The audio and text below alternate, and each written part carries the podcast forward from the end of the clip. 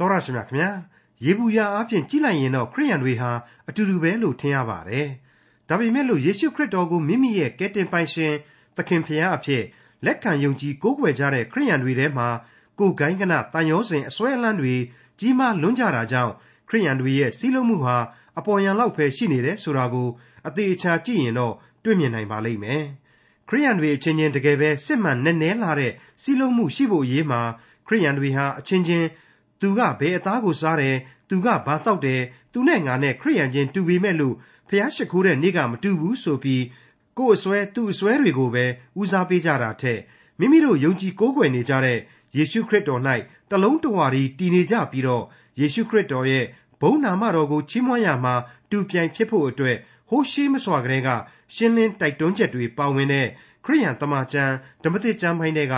ယောမဩဝါဒစာအခန်းကြီး15အခန်းငယ်1ကနေအခန်းငယ်73အထိကိုဒီကနေ့သင်သိရသောတမန်ကျမ်းအစီအစဉ်မှာလေ့လာမှာဖြစ်ပါတယ်။ယေရှုခရစ်တော်ရဲ့ဘုန်းတော်ထင်ရှားစေဖို့ဆိုတဲ့အစွဲအလန်းတန်ရောစဉ်တခုတည်းသာထားရှိပြီးခရိယန်ဂိုင်းကနအားလုံးတို့ဟာပြုပြင်ပြောင်းလဲကြဖို့တင့်နေပြီဖြစ်တဲ့အကြောင်းအလေးအနက်တိုက်တွန်းချက်အပါအဝင်ယောမဩဝါဒစာအခန်းကြီး15အခန်းငယ်1ကနေအခန်းငယ်73အထိကိုဒေါက်တာထွန်းမြတ်အေးက အခုလိုရှင်းလင်းတင်ပြထားပါတယ်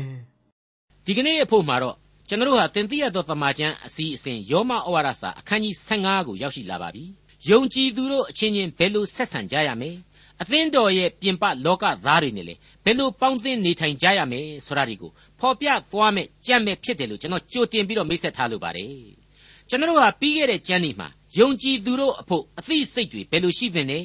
ဘယ်အပိုင်းခြားတွေမှာကိုဟာဘယ်လိုစိတ်ဆန္ဒမျိုး ဘယ်လိုယုံကြည်မှုမျိုးနဲ့ရှင်သန်သင့်နေဆိုတာတွေကိုလမ်းညွှန်ချက်ကောင်းများအဖြစ်ဖော်ပြခဲ့ပြီးဖြစ်ပါတယ်အခုရောက်ရှိလာတဲ့ကျမ်းအခန်းကြီး15မှာကြတော့စင်ကျင်တုံတရားများနဲ့အလေးအနက်ဆန်းစစ်ရမယ့်လူမှုဆက်ဆံရေးကိစ္စတွေရွေးကောက်တော်မူသောဣသရေလလူမျိုးတို့နဲ့တပါးမျိုးသားယုံကြည်သူတို့ဟာဖျားသခင်ရဲ့ဘုန်းအသရေတော်ကိုထင်ရှားရအောင်လို့သွေးစည်းညီညွတ်ဖို့ကိစ္စတွေကိုပါပို့ပြီးတော့ဦးစားပေးဖော်ပြသွားမှလည်းဖြစ်တယ်လို့ကျွန်တော်ဆိုချင်ပါတယ် အဲ့ဒီတပါးမျိုးသားတွေရဲ့စီလုံးရေးဆိုတဲ့နေရာမှာရှင်ပေါလုအထူးသဖြင့်ဦးစားပေးသွားမှာကတော့ယောမလူမျိုးတို့နဲ့ပတ်သက်ပါတယ်အဲ့ဒီအချိန်ကာလမှာယောမဆိုတာဟာထိတ်တန်းကပအာနာရှင်နိုင်ငံဖြစ်လေတော့ယောမလူမျိုးတို့ဟာလူမျိုးကြီးလို့ကျွန်တော်တို့ဆိုရင်ဆိုနိုင်မှာဖြစ်တယ်လို့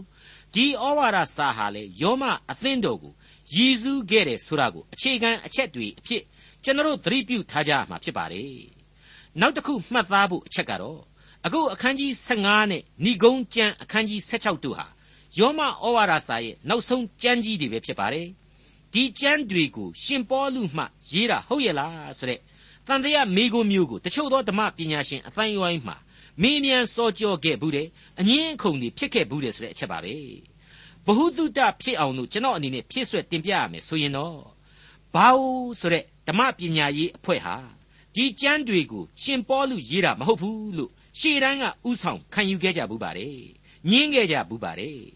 အထောက်အထားကြပြန်တော့လေမေမေရရမပြနိုင်ခဲ့မဲ့တဲ့မျက်စိစုံမှိတ်ဆန့်ကျင်ခဲ့ခြင်းမျှသာဖြစ်တယ်လို့ကျွန်တော်ခံယူပါတယ်ဒါပေမဲ့ကားဆိုတဲ့ပုံကိုကြီးကသူ့ရဲ့ဓမ္မသစ်ဏိဒံဆိုတဲ့စာအုပ်ထဲမှာကန့်ကွက်ဆန့်ကျင်မှုတွေဘလောက်ပဲရှိရှိ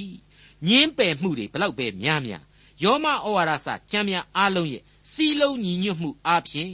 ဒီဩဝါဒစာဟာရှင်ပေါလုတူးတဲ့ရဲ့လက်ရပဲဖြစ်ရလိမ့်မယ်အဲ့ဒီအတိုင်းပဲခံယူတတ်တယ်ဒါကိုဇောရကတက်ချင်းဟာဒဇင်ထောင်ဆန့်ကျင်မှုတစ်ခုပဲလို့သူကဆိုခဲ့ပါတယ်ဒါကိုကျွန်တော်ကလည်းအလေးအနက်ထောက်ခံလိုက်ပါတယ်အားနည်းသောညီအကိုများအတွေ့ဆိုတဲ့ခေါင်းစဉ်နဲ့စတင်နိုင်ဖို့ယောမဩဝါဒစာအခန်းကြီး15အငယ်1နဲ့2ကိုဖတ်ရှုကြည့်ကြပါစို့တို့ဖြစ်၍အားရှိသောငါတို့သည်ကိုယ်အလိုသို့မလိုက် အားနည်းသောသူတို့၏အားနည်းခြင်းကိုသီးခံကြရမည်ထိုသောငါတို့ရှိသမျှသည်ကိုနှင့်ဆက်ဆိုင်သောသူ၏အကျိုးကိုထောက်၍သူတို့တိဆောက်စေခြင်းဟာသူ၏အလိုသို့လိုက်ကြကုန်အံ့ရှင်ပေါလုဟာဩဝါဒရေးသားသူဩဝါဒဆရာအနေနဲ့ကိုကိုကိုအားရှိသောသူလို့သူသတ်မှတ်ပါတယ်သူမှန်ကန်တယ်လို့သူ့ကိုကိုသူယုံကြည်မှုရှိတယ် self confidence အပြည့်အဝရှိတယ်ပေါ့အဲ့ဒီလိုသူကမှန်ကန်တယ်လို့ခံယူတာကတော့ ဘုရားသခင်ပေးထားတဲ့ဝိညာဉ်ရေးအသိနဲ့ခံယူပြီးတော့မှခံယူတာသာဖြစ်ပါတယ်ဘသူဘာပြောပြောငါမှန်တယ်ငါမှန်တယ်ဆိုပြီးတော့ငါတကောကောတဲ့မှန်ကန်ခြင်းမျိုးအရှင်းမဟုတ်ခဲ့ပါဘူးအဲ့ဒီလိုမှန်ကန်သူအားရှိသူတို့ရဲ့ထူးခြားချက်ကတော့ကို့အလိုတို့မလိုက်ချင်းဆိုတဲ့တတ္တိတူပါပဲ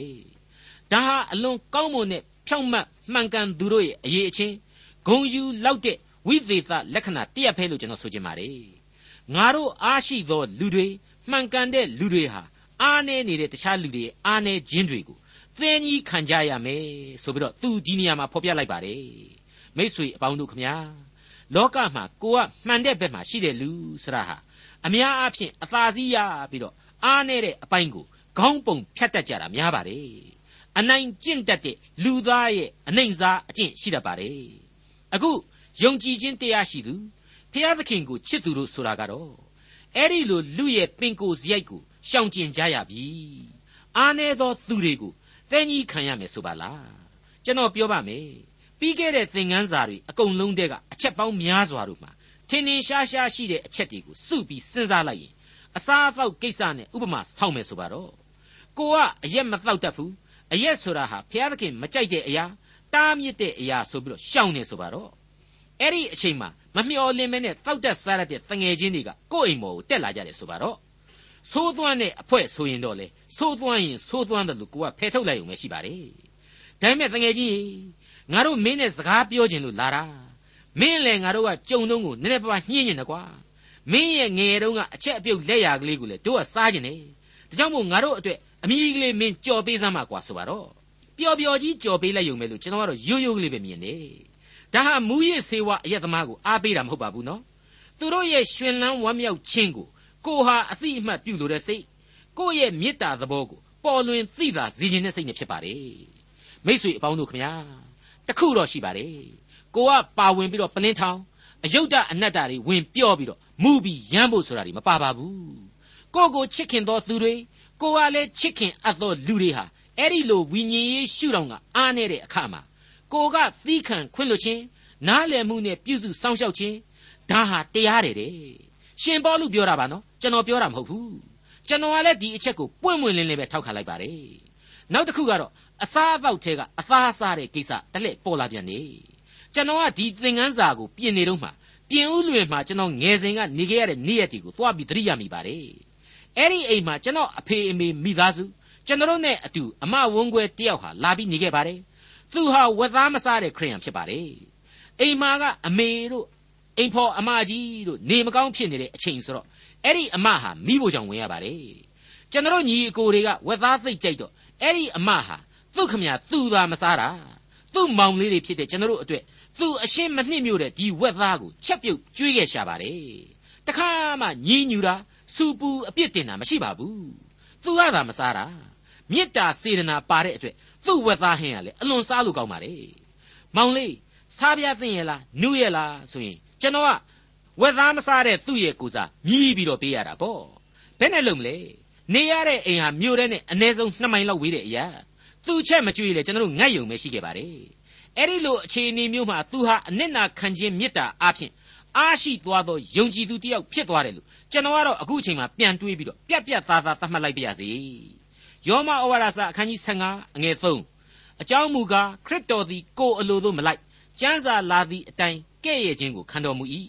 ကိုတော်ကိုကဲ့ရဲ့သောသူတို့၏စကားသည်အကျွန်ုပ်ပေါ်သို့ရောက်ပါ၏ဟုကျမ်းစာလာသည်ဒီအပိုင်းဟာဆိုရင်66ခုမြောက်သောဆာလံတီချင်းအငယ်6ကိုကိုးကားပြီးတော့ရှင်ပေါလုဖော်ပြတဲ့အပိုင်းပဲဖြစ်ပါတယ်ခရစ်တော်ရဲ့မေတ္တာတော်ဆိုတာဟာကျွန်တော်ကိုအသက်ပေးပြီးတော့ကယ်တင်တဲ့မေတ္တာမျိုးဖြစ်ပါတယ်ဒီမေတ္တာတော်ကိုအခုရှင်ပေါလုဖော်ပြလိုက်ခြင်းဟာ ဥပမာပေးခြင်းလို့မဆိုနိုင်ပါဘူးကျွန်တော်ကိုသွန်သင်ဆုံးမဖို့ရန်အတွက်သာညှိုးဆိုအကိုအကားပြုခြင်းဖြစ်ပါတယ်ဒါကြောင့်မို့သူ့ရဲ့မေတ္တာတော်ဂုံကျေးဇူးတော်ကိုပူးတွဲဖော်ပြပြီးတော့မှခရစ်တော်ဟာလူလောကကိုဘလောက်အထိကျယ်ပြန့်တဲ့မေတ္တာတော်နဲ့ချစ်တယ်လူဇာတိပဂရိဖြစ်စဉ်ကိုခံယူရမှာတောင်းမှတပားသူတွေရဲ့အလိုကိုဘလောက်အထိလိုက်ခဲ့တယ်ဆိုတဲ့အကြောင်းတွေကိုသတိရစေဖို့တမန်တော်ကြီးရှင်ပေါလုဟာဒီဆာလံတီချင်းကိုပြန်လဲဥဒန်းကျူးရင်လိုက်ခြင်းဖြစ်ပါတယ် ဒီနေရာမှာကျွန်တော်အနေနဲ့ဖြစ်ဆွဲချင်တာကတော့ဒါဝိမင်းကြီးရဲ့ဆာလံတီချင်းပေါင်းများစွာတို့ဟာမေရှိယကယ်တင်ရှင်ပေါ်ထွန်းခြင်းရဲ့အကြောင်းကိုအမြောက်အများဖော်ပြသွားခဲ့ပါတယ်အဲ့ဒီလိုဆာလံတေးလင်္ကာတွေကို Messianic Psalms မေရှိယဆိုင်ရာဆာလံများဆိုပြီးတော့ခေါ်ပေါ်ကြောင်းတင်ပြလိုက်ပါရစေအခုကျွန်တော်တို့ဆက်လက်ပြီးတော့ယောမဩဝါဒစာအခန်းကြီး15နဲ့အပိုင်းအခြားတစ်ခုစီကိုကူးသွားကြရပါမယ်အဲ့ဒီအပိုင်းကတော့ဂျူးလူမျိုးဣသရေလယုံကြည်သူတွေရဲ့ တပါးမျိုးသားယုံကြည်သူတွေရဲ့ဟာဘုရားသခင်ရဲ့ဘုန်းတော်ကိုတညီတညွတ်ထီထင်ရှားစေဖို့ရန်အတွက်ရှင်ပေါလုဩဝါဒစာပေးခြင်းဆုံးမခြင်းအပိုင်းပါပဲဒီကနေ့ကျွန်တော်တို့ယုံကြည်သူအားလုံးအတွက်လေညီညီညွတ်ညွတ်နဲ့စဉ်းစားတိုက်လာတယ်လို့ကျွန်တော်ကခံယူမိတဲ့အတွက်ကြောင့်ကျမ်းစကားများကိုအလေးအနက်ထားပြီးတော့နားဆွင့်ကြည့်ကြပါအငယ်၄မှ9ကိုစတင်ဖတ်ရှုကြည့်ကြပါစို့ငါတို့သည်ကျမ်းစာ၌ပါသောသီးခံခြင်းသက်သာခြင်းအကြောင်းများကိုအမိပြု၍ မျှော်လင့်ရသောအခွင့်ရှိစေခြင်းဟာကျမ်းစာ၌အထက်ကရေးထားသမျှသည်ငါတို့ကိုဆုံးမဩဝါဒပေး၍ရေးထားသည်သင်တို့သည်ငါတို့သခင်ယေရှုခရစ်၏ခမည်းတော်ဒီဟုသောဖျားသခင်ကိုတညီတညွတ်တီနှုတ်မွဲ့၍ချီးမွမ်းစေခြင်းဟာယေရှုခရစ်အလိုတော်အတိုင်းအချင်းချင်းစိတ်တညီတညွတ်တီရှိကြမည်အကြောင်း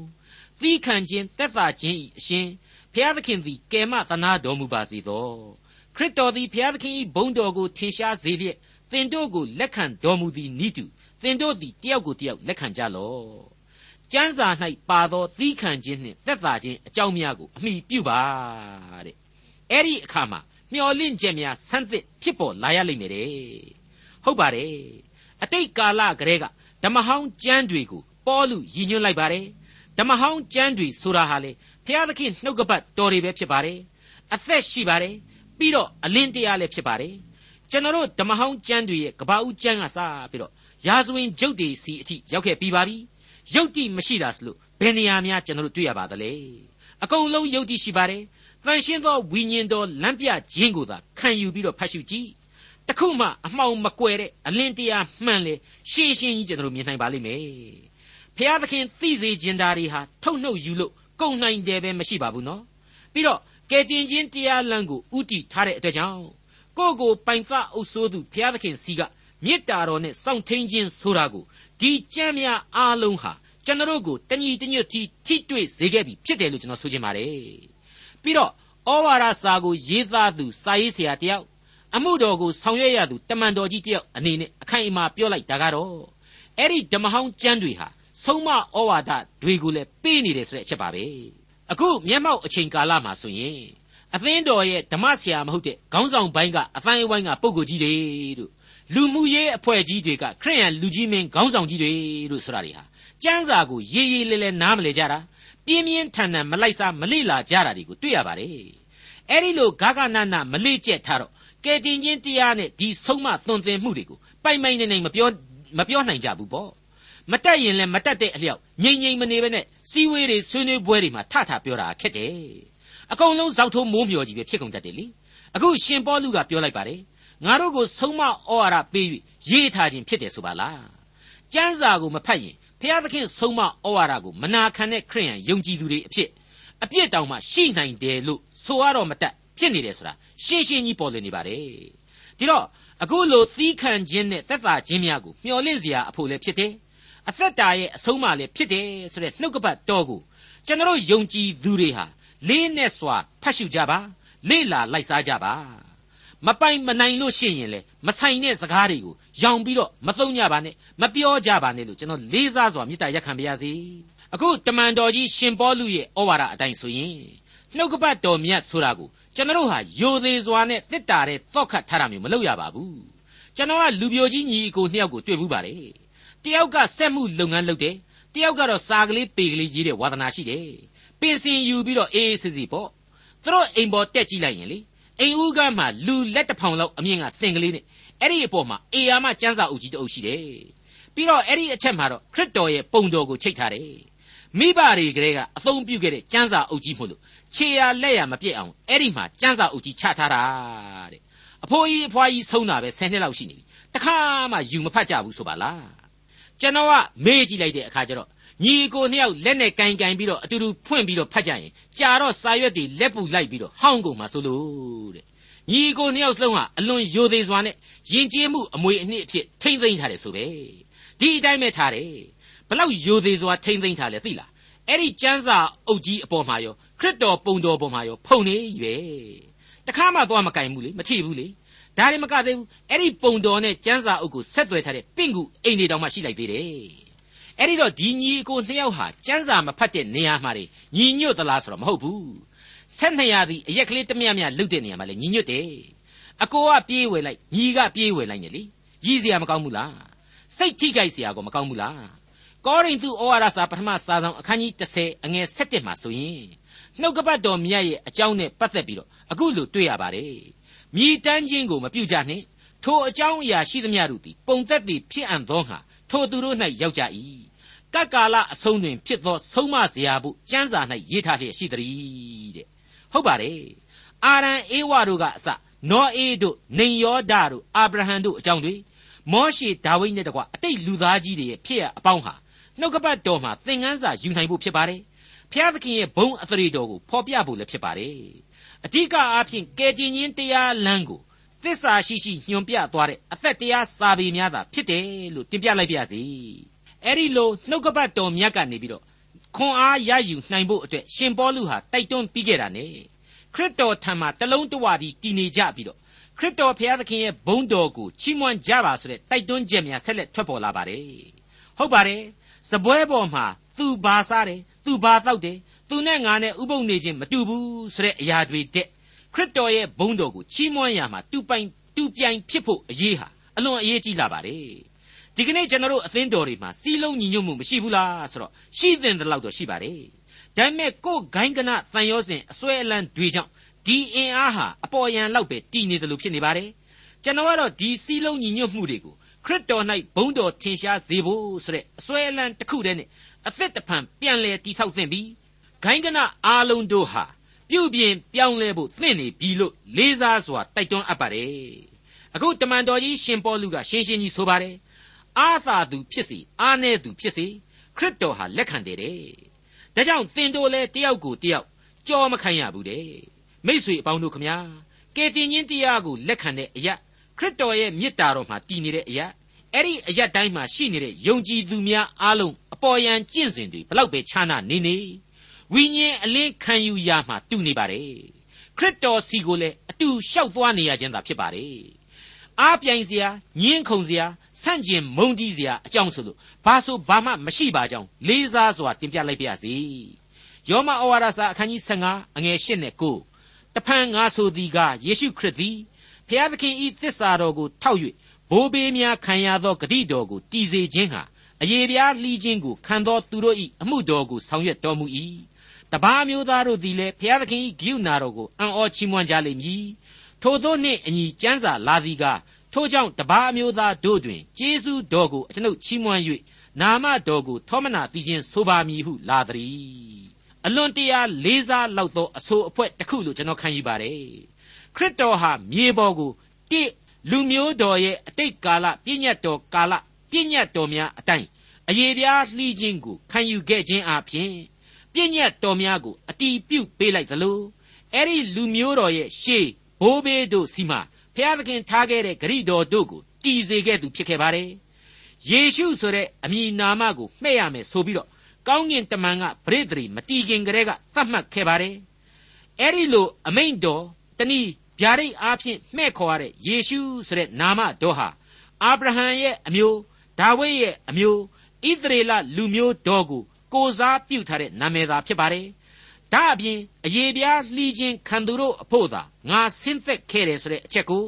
ရှင်မာသက်ခရစ်ဝင်ကျမ်းအခန်းကြီး15အငယ်24မှာတွေ့ထားပြီးဖြစ်ပါတယ်။ဒါဟာကျင်းမြောင်းတဲ့လူမျိုးရေးစိတ်နဲ့ပြောဆိုခြင်းမဟုတ်ပါဘူး။ပြည့်ညတ်တော်တို့ကိုပြည့်စုံစေဖို့ဖြစ်ပါတယ်။အဲ့ဒီကျမ်းမတိုင်ခင်ရှင်မာသက်ခရစ်ဝင်ကျမ်းအခန်းကြီး30အငယ်6မှာလေတမန်တော်အပေါင်းတို့ကို ဣသရေလအမျိုးပျောက်လွင့်သောသိုးများရှိရာသို့အရင်သွားကြလော့ဆိုပြီးဖော်ပြထားပါသေးတယ်။ဒါကြောင့်ခရစ်တော်ဟာဒီလူမျိုးတော်ရဲ့ကျင့်ကြတ်တဲ့ပြည့်ညတ်တော်အရေးမှာလူမျိုးတော်ဝင်အဖြစ်နဲ့သာလူစားတိကိုကျင်းချင်းမြောင်မြောင်စတင်ခံယူခဲ့တယ်ဆိုတာဟာရှင်းနေပါလေ။နှစ်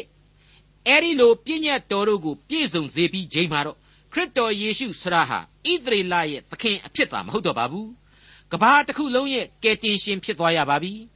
ဂလာတိဩဝါဒစာအခန်းကြီး၄အငယ်၄နဲ့၅ကိုကြည့်ပြဆိုရင်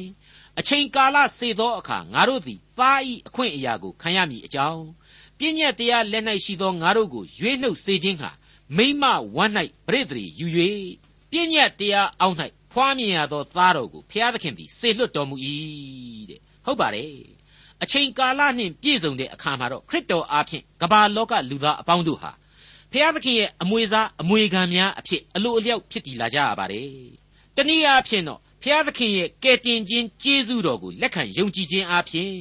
သားသမီးများအဖြစ်ကောင်းကင်အသက်တရဖူအမွေကိုခံယူနိုင်စွမ်းရှိလာကြရပါတယ်။ဒါဟာအတင်းဖြစ်ညစ်ပြီးတော့လောက်ကြံတွေးခေါ်ခြင်းအရှင်းမဟုတ်ပါဘူး။ကပ္ပဦးကျမ်းမှာကလေးကအာဗြဟံစီကိုပေးခဲ့တဲ့ကပ္ပလူသားများနဲ့သက်ဆိုင်တဲ့ဂရိတော်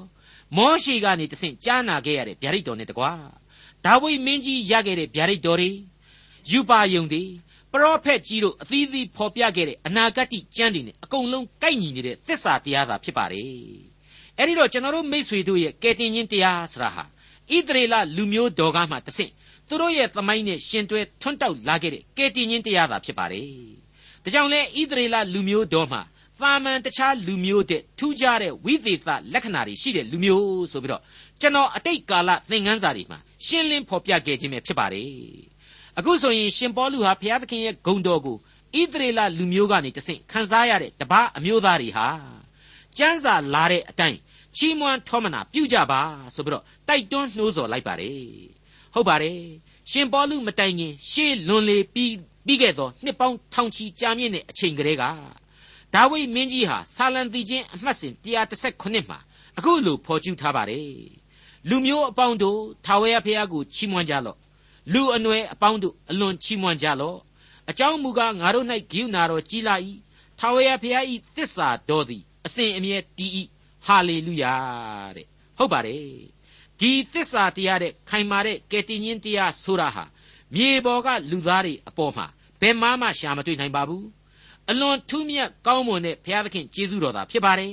ကျေးဇူးတော်ကိုလက်လွတ်မခံသင့်တဲ့အကြောင်း တင်ပြအပ်ပါတယ်အခုရှင်ပေါလုဘယ်လိုဆက်လက်ဖော်ပြမယ်ဆိုတာနားဆင်ကြည့်ကြပါယောမဩဝါဒစာအခန်းကြီး15အငယ်30မှ73တဖန်လာသည်က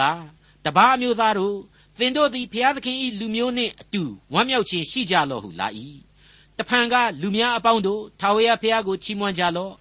လူအနွယ်အပေါင်းတို့အလွန်ချီးမွမ်းကြလော့ဟုလာ၏တဖန်ဟေရှာယဆိုသည်က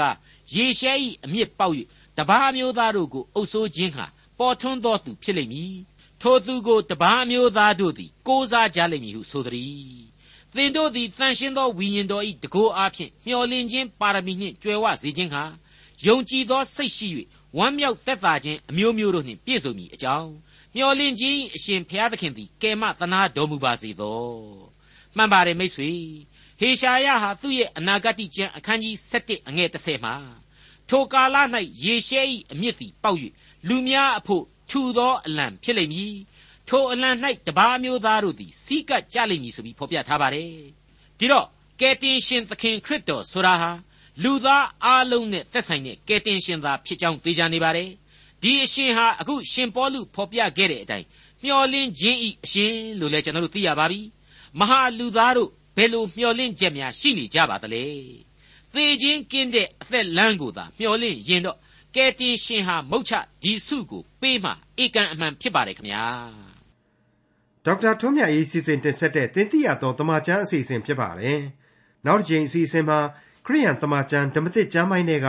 ယောမဩဝါဒစာအခန်းကြီး15အခန်းငယ်14ကနေအခန်းငယ်21အထိကိုလေ့လာမှာဖြစ်တဲ့အတွက်စောင့်မျှော်နားဆင်နိုင်ကြပါတယ်။